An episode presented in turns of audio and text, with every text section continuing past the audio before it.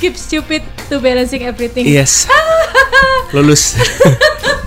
Tapi memang Senin ini cobaannya luar biasa. Panas. Udara panas, sementara aktivitas tetap banyak, meeting-meeting sampai sore terus berlangsung gitu ya. Yes, jadi apa banyak sekali ya hal-hal yang tak terduga bulan-bulan ini. Khususnya kami yang memang bergerak di, di bidang jasa ya. Akhir tahun ini biasanya perusahaan-perusahaan harus habisin budget. Betul. Jadi menjelang akhir tahun ini kami panen sekali dan satu sisi jangan sampai ninggalin Smart FM. Talk show radio tetap harus stay jam 5. Ini sudah dua kali saya telat tuh. Tapi kan tetap hadir di sini sebelum jam 5. Ya, karena tadi ada meeting. Telat opening doang. Iya. Pak DSP sih udah dari tadi di sini gitu. Oke. ya. Nggak sendiri ya nih kayaknya. Betul. Jadi hari ini saya ajak kawan saya yang adalah klien SLC Marketing Inc. Namun karena perusahaannya udah autopilot ya. Saat ini beliau akan memperkuat skuadron tim konsultan di SLC Marketing Inc. Wow. Khususnya di Surabaya ada Bapak Arif Darmawan. Selamat sore Pak Arif. Selamat sore. Sore Pak Sandi, sore Mbak Didi. Ketemu Ya, lagi. Masih ingat aja ya Mbak Didi Iya. ya. sudah pernah talk show di sini Pak ya. Pernah, pernah, Kalau yang lalu sebagai klien Pak. Nah hari ini sebagai associate consultant. Associate partner ya. Jadi hubungan kami adalah selevel partner. Beliau adalah pebisnis, family business owner, juga praktisi. Nah saat ini beliau punya banyak waktu karena perusahaannya udah jalan sendiri. Yuk Pak kita memberkati banyak orang yang mungkin membutuhkan jasa kita, yaitu bagaimana memberikan pelatihan, memberikan consulting untuk teman-teman pebisnis yang barangkali secara strategi marketing, secara uh, bisnis model masih perlu dibenahi kan gitu ya. Maka saya cocok sekali hari ini Pak Arif barangkali apa tidak sebagai klien ya Pak ya pola pikirnya sebagai konsultan Pak atau gimana Pak Arif menurut Bapak? Wah ini kebiasaan jadi klien ini jadi agak bingung ini Iya. gimana caranya ini ya. Ini bingung juga mau ngulik Bapak sebagai narasumber tamu atau sebagai host juga sama-sama Mbak Didi ini. Mungkin lebih ke arah sharing-sharing mungkin Pak. Sharing, ya. oke. Dari pengalaman yang lalu ini. Yes, of Tuh. course. Apalagi sebagai pelaku family business tepat Uh-uh. sekali dengan tema kita di bulan ini yang kita memang masih membahas tentang family business ya Pak Deswe. Betul ya. sekali. Smart listener sekalian, barangkali kita lagi live. Ini saya sapa ya. Halo. Say hello kepada Ini dari Facebook Live. Facebook Live, IG, Ya. mungkin Coach Ben juga dari Jakarta juga pantau kita karena selama minggu ini kan kita temanya family business. Betul. Beliau Senin depan Mbak Didi. Senin depan akan hadir di Oh, Surabaya oke, tanggal oke. 22 Oktober. Siap. Eh, pembicara langsung dari Jakarta yang akan ngisi di Connect Strategic Forum tanggal 25 Oktober. Iya, Ah, karena hari jadi, Kamis ya. Hmm, Jadi tanggal 22-nya ya. datang Senin, ah. kemudian beliau balik Jakarta tanggal 25 balik lagi untuk ngisi acara workshop. Oke. Nah, Oke, selamat sore semua untuk pendengar. Nah, hari ini kita lanjutin topik Mbak Didi. Family business ya. Mm-mm, tetap family business. Saya akan ambil dari growth life cycle. Jadi bisnis life cycle-nya suatu family business. Siklus kehidupan dari awal hingga decline atau hingga inovasi kembali. Yap.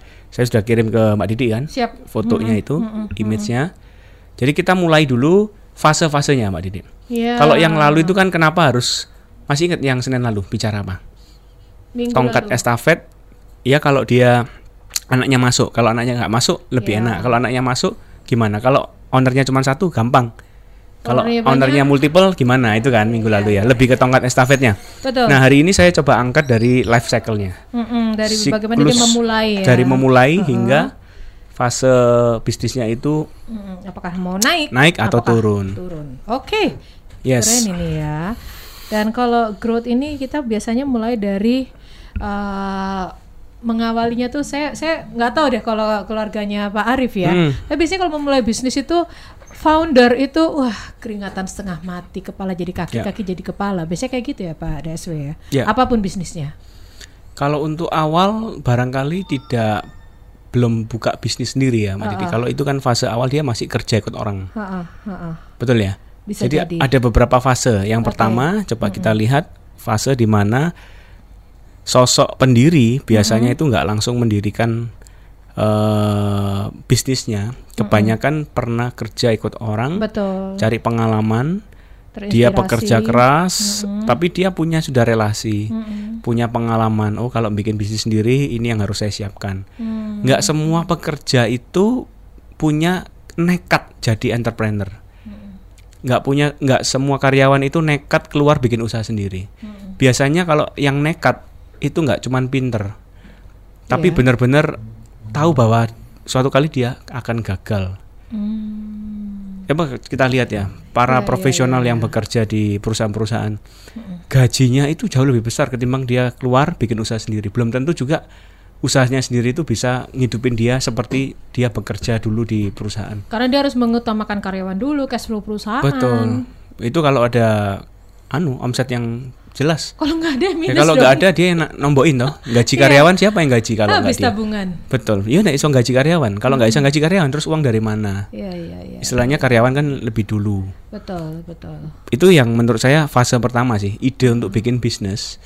Kalau seorang pekerja masih belum nekat, Heeh. maka dia nggak akan keluar bikin bisnis sendiri. Nah, pendengar kita hari ini itu beragam, Mbak Didi. Nggak cuman business owner.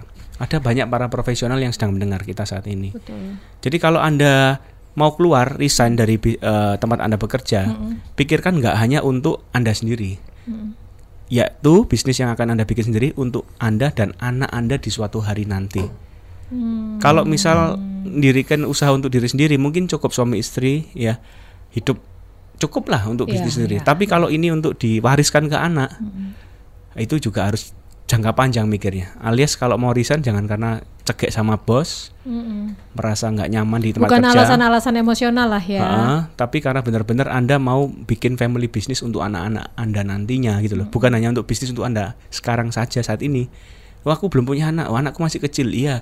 Tapi bisnis masuk cuma bikin 5 10 tahun ke depan. Tapi kalau bisa kan sampai anak-anak Anda Bisa dewasa diwariskan. bisa diwariskan ke anak Anda. Nah, itu fase pertama yang kalau Anda seorang profesional yang mendengar kita uh, sore hari ini. Bisa jadi seperti Pikirkan itu. ya. untuk sampai anak Anda nanti apakah bisa nerusin bisnis Anda sendiri. Mm-mm, mm-mm. Itu fase pertama. Mungkin justru ini nggak kepikiran oleh para uh, entrepreneur yang memulai bisnisnya dari awal. Mereka Hmm. mikirnya gimana saya menjadi entrepreneur itu dulu gitu kan. Nggak mikir bahwa bisnis ini seharusnya pikirkan supaya Iya. ini bisa berkesinambungan berkelanjutan sampai nanti Iya. ya. Mm-mm.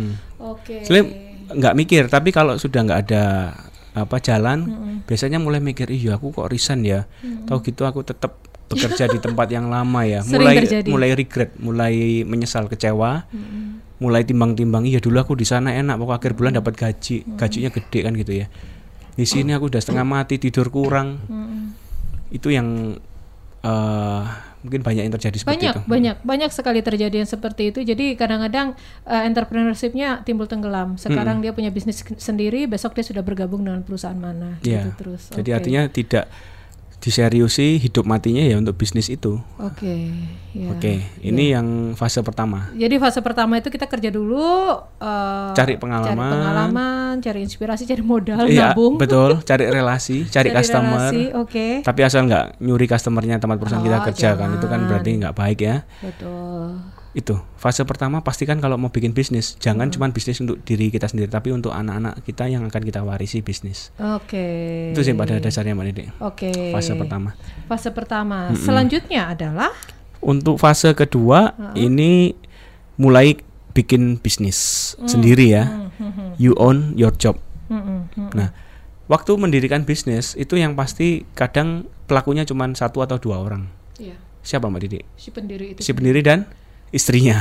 Kalau istrinya disuruh berhenti kerja dari tempat kerjanya ya sama istrinya. Kalau Atau istrinya istrinya masih kerja- berkarir ya Uh-uh. dia sendiri. atau kalau enggak istrinya yang punya uh, usaha duluan berkembang pak bantuin resignlah dia Betul. bisa begitu Banyak saya punya mahasiswa dari kampus yang ternama ya yang notabene anaknya orang mampu. Dia punya ide, punya konsep bisnis bagus, kemudian ya papi maminya orang kaya dimodalin. oke. Langsung jadi kafe jadi apa yang miliaran itu uh, modal awalnya. Nggak lama ya satu dua tahun maksimal ya satu setengah tahun lah tutup. Kebanyakan seperti itu.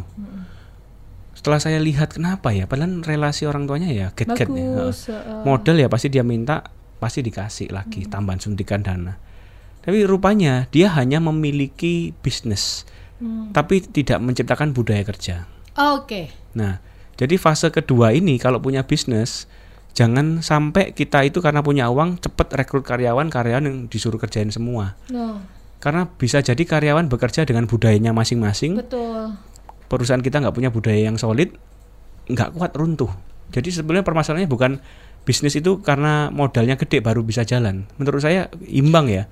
Modalnya oke ada, tapi budaya kerjanya juga maksimal. Jadi eh, dengan budaya kerja itu menjadi satu pengikat sih ya sebenarnya ya antara owner, karyawan dan visi misinya itu. Jadi mereka mau Iya. kondisi perusahaan seperti apa mereka tetap solid. Mm-mm. Kalau bosnya eh, merasa bahwa aku kan gaji kamu mahal, Aduh, kamu yang kerja, tapi main istilah kata tidak menciptakan budaya kerja yang baik ke karyawan, oke, ya karyawannya nggak maksimal nanti. betul betul. Iya ke- kepikiran juga ya. Berarti itu bagaimana kita membangun culture, corporate culture gitu ya. Itu fase ketiga. Itu fase ketiga yang kita harus kita lakukan. Bisnis tanpa budaya kerja itu seolah-olah membangun apa rumah di atas pasir. Apa yang tadi sudah disampaikan kita tadi sudah sampai tahap eh, create a culture ya Pak DSW ya. Betul. Heeh. Setelah punya perusahaan tapi tidak membuat budaya kerja yang kuat, maka perusahaan itu belum utuh. Tidak ada pondasinya. Ah, beda pondasinya. Bedanya apa sih culture bisnis biasa dengan culture family bisnis? Ah, Itu yang sebetulnya kita mau stressing hari ini. Oke. Karena eh, agak sedikit beda ya. Perusahaan Oke. yang benar-benar murni dikelola profesional, Mm-mm. budaya kerjanya agak sedikit berbeda dengan eh, bisnis yang memang dikembangkan dari bisnis keluarga. Hmm, Kebanyakan di mana? Kekeluargaan, toleransi, kemudian eh, pengampunan, belas kasihan. nggak apa-apa ini karyawan sudah sejak lama dia harus tetap diberikan apa haknya walaupun karyawan itu udah nggak produktif. Itu masih ada di bisnis keluarga. Ewu pakai ewu sungkan ya. Beda kalau bisnis yang murni dikelola profesional. Budaya Iya. kerjanya adalah ya seperti budaya barat semua By diukur by target. Uh-uh. kemudian KPI-nya jelas kan gitu ya. Nggak ada rasa saudara-saudaraan yang penting profesional kerja kerja di luar kerja di luar kerja kan gitu ya. Oke, garisnya itu jelas. Tapi kalau bisnis keluarga garisnya kadang abu-abu. Wah anaknya bos nggak apa-apa lah dia memang anaknya bos datang telat dibiarin sama papanya nggak dimarahi dan eh, kalau dimarahi nanti anaknya gondok dia nggak mau datang lagi nggak mau nerusin. Ah, nggak mau nerusin Kita juga yang repot. Kita- gitu. iya jadi masih ada eh, antara urusan di rumah tangga keluarga kebawa kadang ke kantor ya Ya, ya, ya, ya, ya. gitu kurang lebih kalau budaya kerja di bisnis keluarga rata-rata lebih kekeluargaan nah kita coba Iya. tanya ke Ini dia yang Pak ada di Arif Pak Arif ini. Tadi kan Pak DSW sudah bilang bahwa beliau ini sekarang perusahaannya sudah autopilot, jadi Ya. bisa konsentrasi ke yang lain. Saya, Yes. saya langsung bayangan saya begini. Dulu waktu kita talk show pertama ya Pak Arif ya, itu kan saya seingat saya eh, keluarga Anda membangun bisnis mebel. Mm-mm. Ya, Terus Anda mengembangkan untuk yang lebih eh, apa namanya fancy, lebih apa, lebih modern segala macam. masih ingat mbak Didi luar biasa Dan itu akhirnya eh, bisa berjalan juga gitu ya. Jadi memang eh, bisnis mebel ini tetap berjalan tapi dengan kekinian ibaratnya seperti Iya, itu. betul sekali. Ditambah lagi sekarang kalau bisa autopilot, itu saya bayangan saya ini sudah sesuatu yang sifatnya profesional banget gitu loh. Berarti kan ada beberapa hal yang dulu murni kekeluargaan, sekarang harus ada profesionalisme di sana.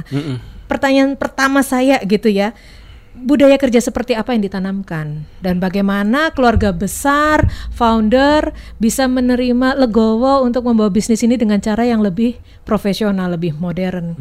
Gimana nih Pak Arif? Sebenarnya kalau dari yang sudah saya jalanin selama ini, eh, mungkin istilahnya semi ya Mbak Didi ya. Karena memang ada satu keuntungan, satu keburukan di mana kita eh, memelihara culture untuk family business. Mm-mm. Tetapi plus minusnya ya pak ya? tetapi yang saya mau tanamkan di sini adalah konsep awal dulu menjadi entrepreneur ini tujuannya untuk apa? Oke. Karena saya dulunya juga bekerja di perusahaan eh, grup anak grupnya Wings. Setelah itu baru saya memulai usaha sendiri. Itu memang terasa bedanya. Oke. Nah, ini yang harus menjadi titik balik dari semua yang mau memulai bisnis. Oke. Tujuannya apa? Itu dulu Karena tentukan. kalau menurut saya pribadi eh, membuka suatu usaha sendiri itu adalah suatu pengorbanan. ya Oh. Pengorbanan yang bukan main-main. Karena di situ kita membangun suatu keluarga sendiri. Mm-mm. Di mana kalau mau keluarganya itu utuh, mau awet, kita harus bertindak sebagai apa? Hmm. Kalau tidak sebagai orang tua. Oke. Mm-mm. Oke. Kita sebagai orang tua, kita melahirkan anak-anak di bawahnya kita. Mm-mm. tugasnya siapa lagi kalau nggak orang tua untuk mendidik mereka dengan baik? Mm-mm, mm-mm, mm. Dan itu belum tentu bisa dilakukan di perusahaan profesional, di mana taunya adalah ini silakan kerjakan, hasilnya seperti apa nggak mau tahu. Salah kita nggak peduli. SOP, sistem segala macam tertulis, terukur ini itu ini itu. Betul sekali. Oke. Jadi memulai suatu bisnis pribadi itu menurut saya eh, suatu pengorbanan pengorbanan yang sangat besar ya. Bagaimana kita sebagai orang tua itu harus belajar bagaimana kita mendahulukan anak-anak kita. Wow. Justru bukan berarti keluar dari pegawai hidupnya paling enak. Oke. Salah. Justru keluar dari pegawai memulai usaha yang baru itu kita punya tanggung jawab luar biasa. Oke. Bagaimana kita tidak boleh gagal menjadi seorang orang tua. Mm-mm, mm-mm. Bahkan bukan hanya level staff saja. Sampai di kalangan buruh produksi pun bagaimana kita bisa memperdekat ikatan kita sama mereka. Nah, Iya, iya, dari iya, itu iya. semua kalau memang kita bisa mendidik mereka menjadi bagian dari keluarganya mereka, Mm-mm. saya yakin mereka akan menjadi profesional sendiri tanpa perlu kita kerasin. Oke. Nah, Oke. terkadang pelaku bisnis yang baru tidak paham masalah itu. Yang penting punya modal, langsung coba, langsung jatuh juga karena mereka tidak bisa menanamkan budayanya. Mereka tidak bisa menghilangkan egonya pribadi. Semuanya ada, langsung ambil, ambil, ambil dulu. Oh, Oke oke oke. Padahal menjadi orang tua itu adalah makan paling terakhir dan makan paling sedikit. Itu adalah fakta. Siapkah kita untuk menjadi seperti itu? Siapkah kita berkorban seperti itu? Nah, anak-anak yang sekarang itu baru saya lihat milenial yang dimodalin orang tuanya, cuman lihat kan faktor uangnya tok. Wah, wis rugi, tutup, ganti meneh ngono. Iya. Kan nggak merasa bahwa iya sakno ya nek tak pecat karyawanku iki uripe piye. Belum Iya, tentu iya, dia iya, dapat iya, pekerjaan iya, cepat pengganti loh, Pak ya. Betul sekali. Jadi seba, sama teman-teman gini, ayo bikin bisnis. Kita bikin kalau yang sekarang gitu katakanlah tidak dengan prinsip yang digunakan oleh Pak Arief. Kita bikin bisnis plan. Nanti begini, nanti keluar masuknya seperti ini, udah ada flow-nya segala macam. Lupa bahwa yang menggerakkan itu masih manusia. Kalau di Pak Arief tuh saya menangkap kan eh, yang berada dalam situ adalah satu keluarga. Nah, itu culture yang harus kuat sekali di family business. Iya dan nanti eh, mereka secara otomatis akhirnya bisa berjalan eh, profesionalisme mereka juga akan tumbuh. Betul sekali. Itu kenapa sekarang bisa autopilot dan bisa siaran di sini ya Pak Arif ya? Betul sekali. Butuh waktu berapa lama Pak bikin seperti itu?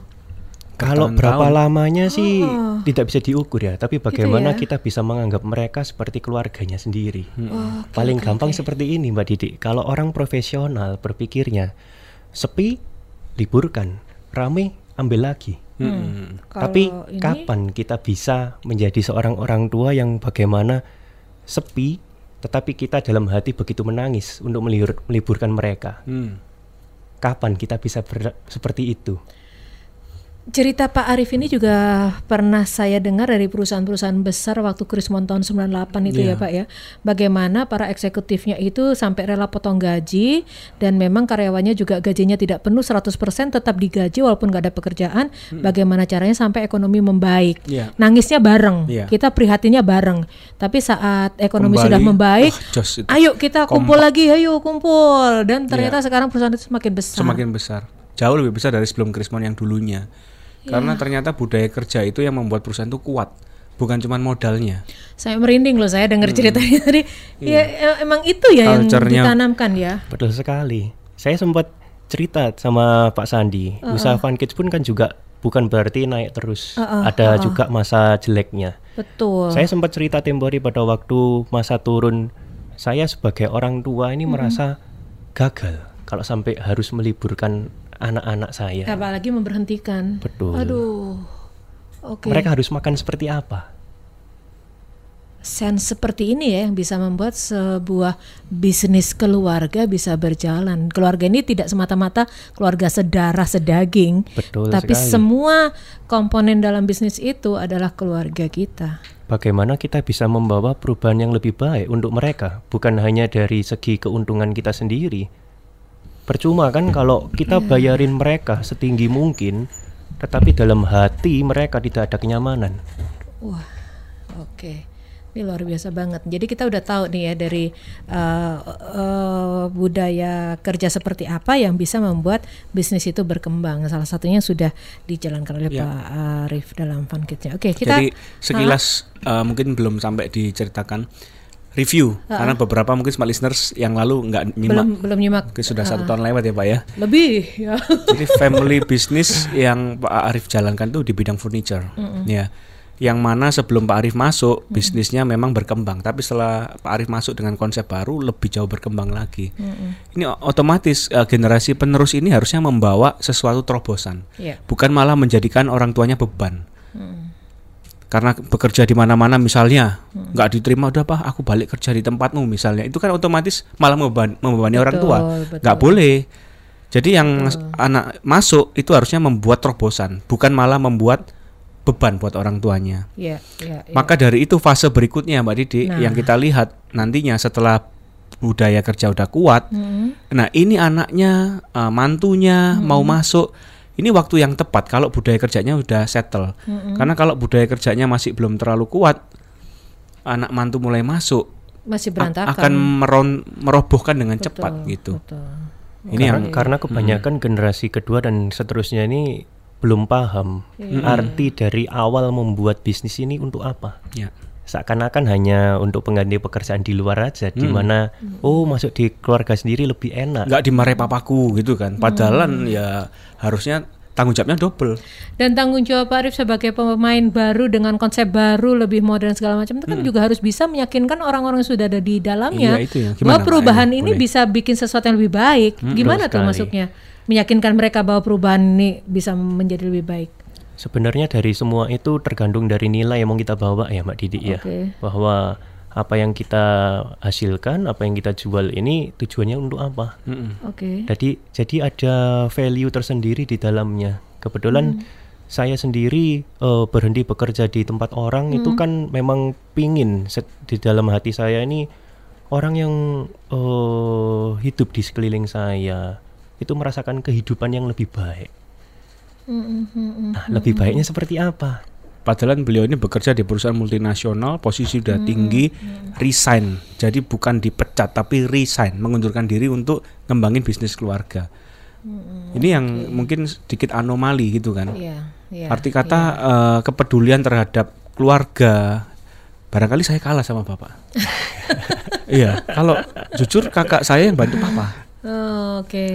Saya dari dulu memang suka alone mandiri gitu ya. Bulan ini kita masih membahas tentang family business dan jika minggu lalu kita bicara tentang tongkat estafet, sebelumnya kita bicara tentang ownership.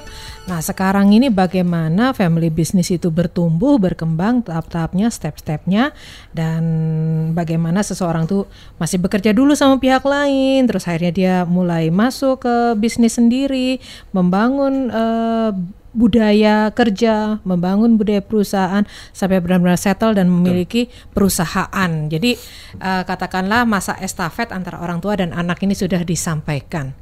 Nah, tapi pertanyaannya gitu, kita sih Yes. kepinginnya kayak Pak Arif semua gitu loh, tongkat estafet sudah disampaikan, semuanya akhirnya wus gitu kan dengan segala Ya. sesuatunya yang baru ternyata mem- membuat ses- segala sesuatunya meningkat. Tapi tidak menutup mata juga banyak yang setelah disampaikan kepada penerusnya apa kabar gitu. Kadang-kadang terjadi seperti itu. Itu fase yang kesekian Mbak Didi ya. Satu, dua, tiga, empat, lima, enam ya. Betul Mbak Didi? Fase Ya. keenam? Ya. Keenam. Ya, fase keenam ini fase penentuan saat tongkat estafet ini telah diberikan ke anaknya. Mm-mm. Karena banyak sekali pendiri nggak mau 100% kasih tongkat, artinya tongkat itu masih dipegang separuh, separuhnya dipegang anaknya, karena khawatir anaknya nanti tidak bisa membuat bisnisnya malah berkembang, malah gelundung jatuh. Iya. Betul. Kekhawatiran itu apa yang biasanya terjadi? Eh, barangkali orang tuanya masih nggak serak, anakku ini budaya kerja, cek belum ngerti dia. Dia masih nggak ngerti 100% isi kepalaku gitu ya. Mm-mm. Diajak ngobrol kadang masih seenaknya sendiri nggak nyambung dengan caraku memimpin karyawan yang selama ini sudah belasan atau bahkan puluhan tahun. Mm-mm. Makanya tongkat estafet se- kapan harusnya kasih ke anak? Itu kan pertanyaan. Bisa dijawab nanti tanggal 25 Oktober harusnya gitu Mbak saya tuh smart listeners yang melihat di Facebook Live tuh saya udah gini loh, udah nunggu-nunggu loh jawabannya apa gitu. Iya, ini sedikit promosi ya. Namanya marketing kan ya. Eh tapi benar, tapi benar butuh-butuh jawaban gitu ya.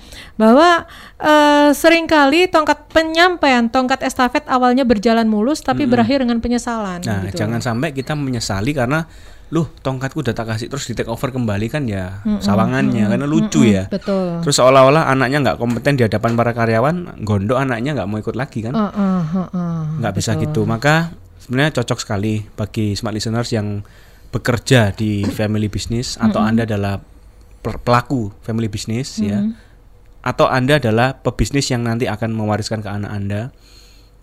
Eh, saya harap bisa join di acara kali ini. Ya, Bukan ya, saya berharap ya, saya memberikan eh, apa namanya? jawaban Ya. atas hal-hal yang sering kali terjadi yang nggak kita inginkan gitu kan. Saya beberapa kali ikut kelasnya Pak DSW, semua pertanyaan saya saya tanyakan di siaran ini dan tidak beliau jawab. Itu ada jawabannya semua di kelas. Ya bukan sengaja itu juga Mbak Didi. Karena kalau dijelaskan di sini Iya. 2 3 jam kan. Betul betul. Jadi, Jadi paling enggak benar. eh, sekilas Eh, lah apa buat teman-teman semua. pasti bermanfaat. Heeh. Coach Ben dari Jakarta, Oke. beliau itu adalah family business entrepreneur. Heeh. Jadi bukan hanya coach yang cuman bisa ngomong nggak bisa ngelakoni gitu ya. Tapi beliau itu adalah praktisi pebisnis. Oke. Yang kebetulan memang bisnisnya banyak yang sudah autopilot seperti Pak Arif ini nganggur-nganggur. Sering-sering aja Pak siaran di sini Pak. Apalagi yang bisa saya kerjain ya. Ayo Pak kita nolongin orang. Kalau kita udah tertolong bisnis kita kita nolongin orang. Iya, iya. Jadi. Coach Ben dari Jakarta ini adalah eh, pebisnis yang mana sisa waktu hidupnya didedikasikan untuk memberikan coaching buat pebisnis yang khususnya family business. Karena banyak klien beliau itu yang di family business. Oke. Nah, gimana cara strategi menyalurkan tongkat estafet Mm-mm. sebelum terlambat gitu kan. Kenapa ada kata kunci terlambat? Karena era disrupsi digital itu terlalu cepat. Pola pikir eh, generasi pen- pendiri yang sangat kolot, nggak bisa mengikuti ritme teknologi digital, Mm-mm. Ya gelondong juga. Walaupun tongkat estafet nggak diserah-serahkan, ya gelondong. Kalau diserahkan terlalu cepat, budaya kerja anaknya nggak bisa seperti bapaknya, yang gelondong sama. Maka ada Iya. timing yang tepat kapan itu yang harus Iya. diberikan kepada anaknya. Dan Nah, semua jawabannya ada di tanggal 25 25. Oktober. Nah, itu itu yang lebih krusial. Tapi setelah tongkat estafet diberikan, fase berikutnya adalah bagaimana si anak ini bisa mengembangkan atau membuat bisnis keluarganya malah turun kinerjanya. Oke. Itu fase ke-6. Oke, Iya jadi kan? memang ada kemungkinan semakin pesat meningkat atau semakin gelondong gitu Iya. tadi. Biasa kalau semakin cepat meningkat itu karena anaknya itu lebih gesit dari bapaknya. Bisa Lebih jadi. kreatif dari bapaknya, lebih supel dari bapaknya kepada karyawan ya. Iya. Anaknya itu lebih kuat relasinya, sering ke mana-mana, keliling ke luar kota, luar pulau, luar negeri. Heeh. Jadi itu anak yang pasti bisa mengembangkan bisnis orang tua. Kalau anaknya itu kuper, cuma datang pagi pulang sore, wis tah, jangan dikasih ke anak yang ini. Oh, Tewas bisnisnya. Oke, Karena anaknya nggak oke. punya banyak relasi. Oke. Eh, itu kalau pilih anak juga jangan selalu yang nomor satu, kakak tertua. Belum tentu kakak tertua itu kompeten. Dilihat bagaimana Iya. mereka bisa menjalankan bisnis ini nantinya gitu ya. Ada apa? Promo-promo khusus mungkin untuk undangan besok? Ya, kalau untuk promo khusus itu kan kita tiga ratus ribu per orang. Namun kalau smart listeners itu bisa ajakin papa atau mama atau anda adalah pem- pendiri dan mau ajakin anak anda, monggo datang satu tiket untuk berdua, bayar satu untuk berdua. Oke. Nah kalau anda adalah pekerja bisnis eh, profesional yang bekerja di bisnis keluarga, anda bisa ajak kawan-kawan anda yang lain yang para profesional itu 800 ribu dapat tiga tiket. Hmm, oke. Karena kita angle diskusinya bukan hanya bagaimana tongkat estafet dari pendiri ke penerus, tapi bagaimana kalau anda itu bekerja Para di profesional para ya. profesional itu gimana ngadepi dua nakoda yang berbeda, yang satu pak big bossnya gini, yang ini junior bosnya mintanya lain Oh kan jadi gitu ada ya. juga ya untuk para profesional dalam family Ya, business kita ini ada, ada kiat-kiatnya juga ya. subtopik kiat-kiat untuk itu juga Oke oke oke keren seru. Jadi Ya. eh, untuk smart listeners langsung dilingkari tanggal 25 Oktober ya, eh, mulai jam 1 siang sampai dengan jam, Jam 5, 5 sore. sore di Java Paragon. Oke. Nah, fase ke 1 2 3 4 5 6. Ah, ah. Sudah selesai semua ini. ya. Iya. Jadi fase pertama kita rekap aja Mbak Didi. Mm-mm. Pekerja. Jadi sebelum mendirikan bisnis sendiri, Mm-mm. pastikan kita resign dengan memperhitungkan jangka panjang untuk bikin bisnis sendiri. Fase kedua adalah kita mulai bikin bisnis. Mm-mm. Tapi sesungguhnya bisnis itu masih rapuh. Ya. Karena fase ketiga kita harus bikin budaya kerja. sebagai nah, budaya pondasi. kerja itu terkait bisnis keluarga, jangan budaya kerja yang sangat profesional. Oh, Oke. Beda kalau Anda ini memang modalnya gede, relasi banyak, langsung dibikin perusahaan yang profesional sekalian. Tapi loh Anda ini modal juga belum banyak, relasi belum kuat. Cobalah terapkan kekeluargaan buat karyawan juga. Mhm. Jangan terlalu saklek lah. Karyawan juga yang pintar-pintar nggak mau lah kerja sama Anda. Kerja perusahaan yang lebih gede, lebih bisa gaji lebih besar. Kenapa dia mau kerja sama Anda? Per- uh, karyawan Anda pintar karena dia lihat nilai value Anda kuat. Personal Anda itu sebagai pengayom. Mm-mm. Mereka itu mau belajar dari Anda. Bukan hanya karena mereka pinter, tapi mereka itu ingin dididik sama Anda juga. Oke. Yang jadi value bisnis keluarga itu beda. Mhm. Kemudian fase yang keempat adalah Anda sudah mulai kasih ke anak Anda tongkat estafetnya. Ini yang tanggal 25 Oktober kita eh, fokuskan. Kemudian fase ke lima saat sudah tongkat estafet diberikan ke anak, maka ini adalah fase di mana anak Anda apa? Tanda tanya. Mm-mm. Apakah mau ngembangkan atau cuma numpang? Mm. Daripada saya di luar kerja di sana belum tentu bagus, karir yang ngene-ngene tok. Suatu kali saya dipecat, wes aku melok bapakku dewek. Mm. Gak mungkin aku dipecat mbak bapakku dewek gitu kan. Mm-mm. Itu sebenarnya fase ke lima yang mana jangan sampai salah memilih anak. Nggak nggak selalu anak pertama, nggak selalu anak bisa juga ponaan yang kita pilih Mhm. sesuai kompetensi ya. Nah fase yang terakhir itu fase keenam, fase di mana generasi penerus anda, entah itu anak atau itu mantu atau itu ponaan, eh, kapasitas mereka apakah bisa mengembangkan atau malah membuat jatuh bisnis keluarga, lebih kepada ya mereka sendiri Iya. eh, terkait berapa banyak mereka belajar, berapa banyak mereka ikut seminar, berapa banyak mereka baca buku atau lihat YouTube terkait pengembangan bisnis, berapa banyak mereka update knowledge ya ini. Jadi intinya adalah sebelum sampai ke fase ke-6 terus merosot turun ya, harapan kita kan semuanya akan naik gitu ya, rising. Anda tanggal 25 harus datang. Pak Arief mungkin ada yang bisa disampaikan Ya, kepada semua listener sebagai, Sebagai penutup praktisi. Praktisi dan juga pemegang family business di sini. Sedikit tambahan dari saya, mungkin kalau kita melihat dari sisi orang tua ya, pasti eh, dari orang tua tidak akan mau anaknya menjadi pangeran kemarin sore, Oh. yang tidak tahu apa-apa berbuat seenaknya, itu sudah pasti. Mm-mm.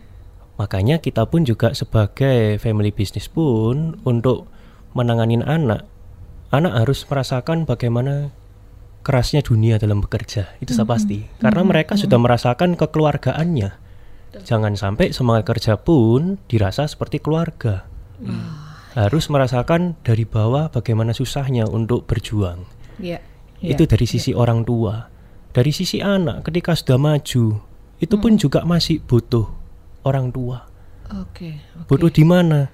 Mereka butuh sebagai dewan pertimbangannya. Ah, oke. Terkadang penetrasi anak selalu tidak cocok dengan orang tua, itu pasti. Mm-mm, mm, Tetapi juga sering kali anak itu ingin mm-mm. diberikan pertimbangan-pertimbangan yang bisa mensupport idenya.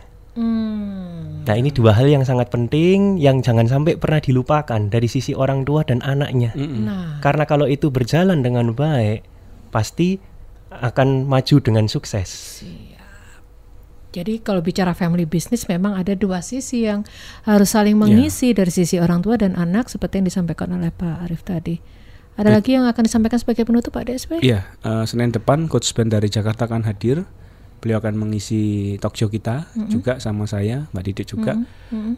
Hmm, kiranya siapkan aja banyak pertanyaan Mm-mm, mm-mm. karena bisa jadi apa Coach Ben datang sini kapasitasnya langsung to the point, strict on the problem ya, straight to the point supaya bisa smart listeners mendapat banyak manfaat dari beliau. Oke. Kurang lebih itu Pak Didi. Oke. Kurang lebih itu Pak Didi. Oke. Kurang lebih